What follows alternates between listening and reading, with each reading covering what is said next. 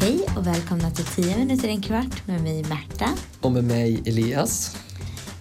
Det här är en podcast på 10 till 15 minuter som tar upp ett nytt ämne per avsnitt. Och idag ska vi prata om författarinnan till den här dikten. Ja, det gör ont när knoppar brister. Som förmodligen är hennes mest kända dikt. Och Elias, vem är författarinnan? Då kör jag lite så här, ping. Eh, vem var Karin Boye? Ja. En liten Jeopardy-referens för de som kommer ihåg det.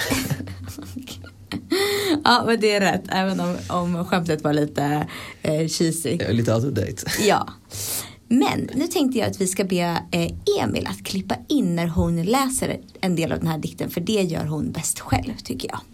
Ja, visst gör det ont när knoppar brister.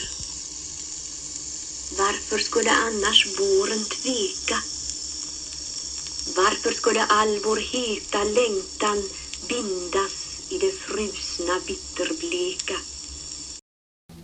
Vet du någonting om Karin Boye? Oerhört lite. Men en sak vet jag. Jag är väldigt fotbollsintresserad. Och jag växte ju upp med VM 94. Det har haft en stor påverkan i mitt liv. Sverige kom trea. Fotbolls-VM spelades i USA.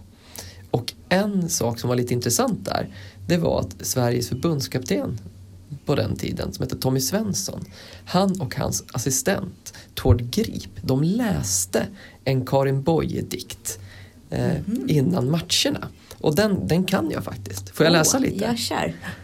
Den mätta dagen, den är aldrig, aldrig störst. Den bästa dagen är en dag utav törst. Eh, Det är ungefär det jag kan. Men Det är bättre än ingenting. Bättre. jag är imponerad att du bara kunde plocka upp det så här. Mm. Det måste jag säga. I alla fall, Karin Boye föddes den 26 oktober år 1900 på Vasaplatsen i Göteborg. Hennes mamma Signe och hennes pappa Fritz var från välbärgade familjer.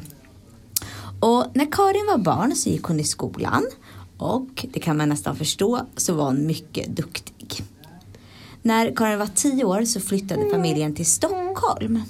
Jaha, Eh, vet man var i Stockholm de flyttade? Ja, de bodde, på, bodde i Huddinge och familjen kallade huset och platsen där de bodde för Björkebo. Det var ganska vackert och mycket björkar kan man förstå namnet. Det kan man nästan tänka sig. Mm. Och här började Karin skriva en hel del lyrik, noveller och faktiskt teaterpjäser. Jaha, men jag har också hört att Karin Boye var väldigt duktig på att måla. Eller att hon målade i varje fall. Ja, men det stämmer. Eh, det är inte så känt, men Karin Boye målade en hel del akvareller. Och när Karin tog examen, Karin liksom gick i skolan så tog hon examen och så tog hon folkskollärarexamen och sen flyttade hon till eh, den här akademiska staden Uppsala för att studera grekiska, nordiska språk och litteraturhistoria. Också de saker man skulle gissa på att hon studerade om man, om man fick gissa. Känner inte du också det lite? Eh, kanske, jag känner att studera grekiska det är alltid långt bort i gissningsvärlden. Jag tänker att hon är litteratur liksom och väldigt ja, men ah, litteratur det kunde jag tänka mig. Och ah. så här, akademiskt duktig. Mm. Just grekiska tror jag inte jag hade plockat upp i bakfickan. Nej, men hon var, det gjorde hon när hon var 21 år gammal. Mm. Och nu träffar hon igen sin största kärlek Anita Notthorst. Jag vet inte hur man uttalar hennes efternamn. Notthorst tror jag. Jaha, men då var hon ju redan väldigt ung när hon träffade henne. Ja, alltså hon alltså- träffar henne när hon är väldigt ung menar jag. Ja, och egentligen hade hon träffat Anita när hon var 18 år. Och, så att hon hade träffat henne när hon var ännu yngre. Men nu i Uppsala träffar hon henne igen och Anita är sju år äldre. Och hon blir jätte- jättekär i Anita men Karins kärlek till Anita besvaras faktiskt aldrig. Okej, så hon gick alltså runt och var olyckligt kär i hela sitt liv då? Kan, Ja. man, kan man säga det? Ja, det kan man säga. Ja, det är kanske därför hon blev så duktig på att skriva dikter då? Mm. Alltså, även hon verkar tro, tro att eh, liksom, hennes olycka har lite att göra med hennes skicklighet. Och jag kommer återkomma till det lite senare. I alla fall, 1922 det är så himla lätt med Karin Boye för hon föds ju 1900. Så när det är 1922 då vet man, men då var hon 22 år. Det är faktiskt riktigt smidigt. Ja, jättesmidigt. önskar att fler vore födda 1900. Ja, eller 1800, så smidigt. 1922 kommer i alla fall Karin Boyes första diktsamling ut. Och vad heter den? Den heter Moln. Ooh. Och den förmedlade en ung människas grubbel över Gud, livets historia och sin egen framtid. Karin, hon gifter sig med hmm, Leif Björk. Och jag sa ju det här eh, om Anita. Ja, Eller hur? Det här går inte riktigt ihop. Nej, och faktiskt är det så att alla deras Leifs och Karins bekanta tycker att det är konstigt för de har en sån vänskapsrelation. Liksom, ingen förstår riktigt hur det kunde bli kärlek. Men de gifter sig 1929 och eh, är gifta men det är inte ett lyckligt äk- äktenskap. För Karin är ju kär i en annan. Och hon flyttar och kommer vara mycket i Berlin mellan 1932 och 33. Och här slutar äktenskapet med Leif. De skiljer sig. Och hon träffar en Margot Hannel. Just det, det har jag hört om.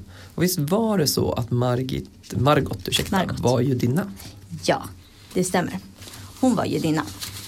Och eh, hon klarade sig eh, undan andra världskriget kan man säga. I och med att hon flyttade med Karin hem till Sverige. Där är ju faktiskt, vi var ju inte med i kriget på samma sätt. Nej, eh, Det var jätte, jättebra. Eh, och de här två bodde ihop. Men man ska minnas att det här var en tid då homosexualitet fortfarande var ett brott i Sverige. Så att de var ju inte gifta eller så utan ah, deras vänner visste ju att de var ett par. Men familjen, jag sa ju att de här äh, föräldrarna var välbärgade familjer och så här, eller kom från välbärgade familjer. De tyckte ju inte att, eh, liksom, de visste inte om det här, de tyckte inte om det här. Ja, de här två bodde ihop men man ska minnas att det var, det här är en tid då homosexualitet fortfarande är ett brott i Sverige. Så man kan säga att de fick leva lite dubbelliv. Kompisarna visste om att de var ett par. Men omvärlden fick ju inte veta att de bodde ihop som ett kärlekspar så. Men Anita du minns, du vet Karins stora kärlek. Hon drabbas av cancer. Och Karin beslutar sig för att hon vill vara med och ta hand om henne. Så hon åker till Alingsås där Anita bor. Och tar hand om henne så mycket hon kunde. Nu är vi lite fram i tiden, nu närmar sig Karin 40 år här. Ja, jag märker att vi hoppar lite. Man får vara lite observant. Ja. Eh, nu tänker jag återkomma till det där jag sa om att Karins diktande eh, är så bra på grund av hennes olyckliga kärlek. För det verkar som att Karin är medveten om att när hon utsätter sig för att vara nära Anita och vara med om den här kärlekssmärtan så blir hon liksom duktigare poet. Ehm, hon åker till Anita så ofta hon kan. Margot vet om det här men vad ska hon, hon göra? Hon vill vara med Karin också. Så att hon får liksom hon har ingen annanstans att bo och, och hon är kär i Karin. Hon, hon får acceptera det här. Hon accepterar det här, hon vet om det här. Eh, och nu ska vi gå in på det mörka. Den 23 april 1941, när Karin är 40 år och fyller i oktober, så att det är på 41 året, så tar hon en överdos sömntabletter och går ut i Alingsåsnatten. Hon somnar och avlider vid en stor sten på en kulle norr om Alingsås. Så hon tog självmord med andra ord. Ja, alltså man vet väl inte om det verkligen var meningen att hon skulle dö. Men det var i alla fall ett rop på hjälp. Stackarn. Eh, Men hur gick det med, med hennes sambo då? Med Margot? Mm, det var också väldigt tragiskt. Hon tog sitt liv bara en månad efter Karin Boyes död. Så att eh, hon led nu också av olycklig kärlek. Gud vad sorgligt. Mm. Och nu tänkte jag att vi skulle sluta här för idag med Karin Boye. Det gör vi. Och vi som har gjort den här podcasten heter Elias och Märta. Och det här är en podcast gjord i samarbete med vikarielärare. Till den här podcasten finns det en lärarhandledning med uppgifter som man kan använda innan, under och efter man lyssnar på podcasten. Ni hittar lärarhandledningen på Kunskapsbanken på vår hemsida www.vikarielärare.se. Den här podcasten hittar ni på iTunes eller i sociala medier. Vi finns på Facebook som vikarielärare. Gå in och gilla. Vi finns på Instagram som vikarielärare. Gå in och följ oss. På Facebook har vi också den spännande gruppen Lärarnas kunskapsbank där jag tycker att du som lärare ska bli medlem. Tack för oss. Tack, hej. Hej.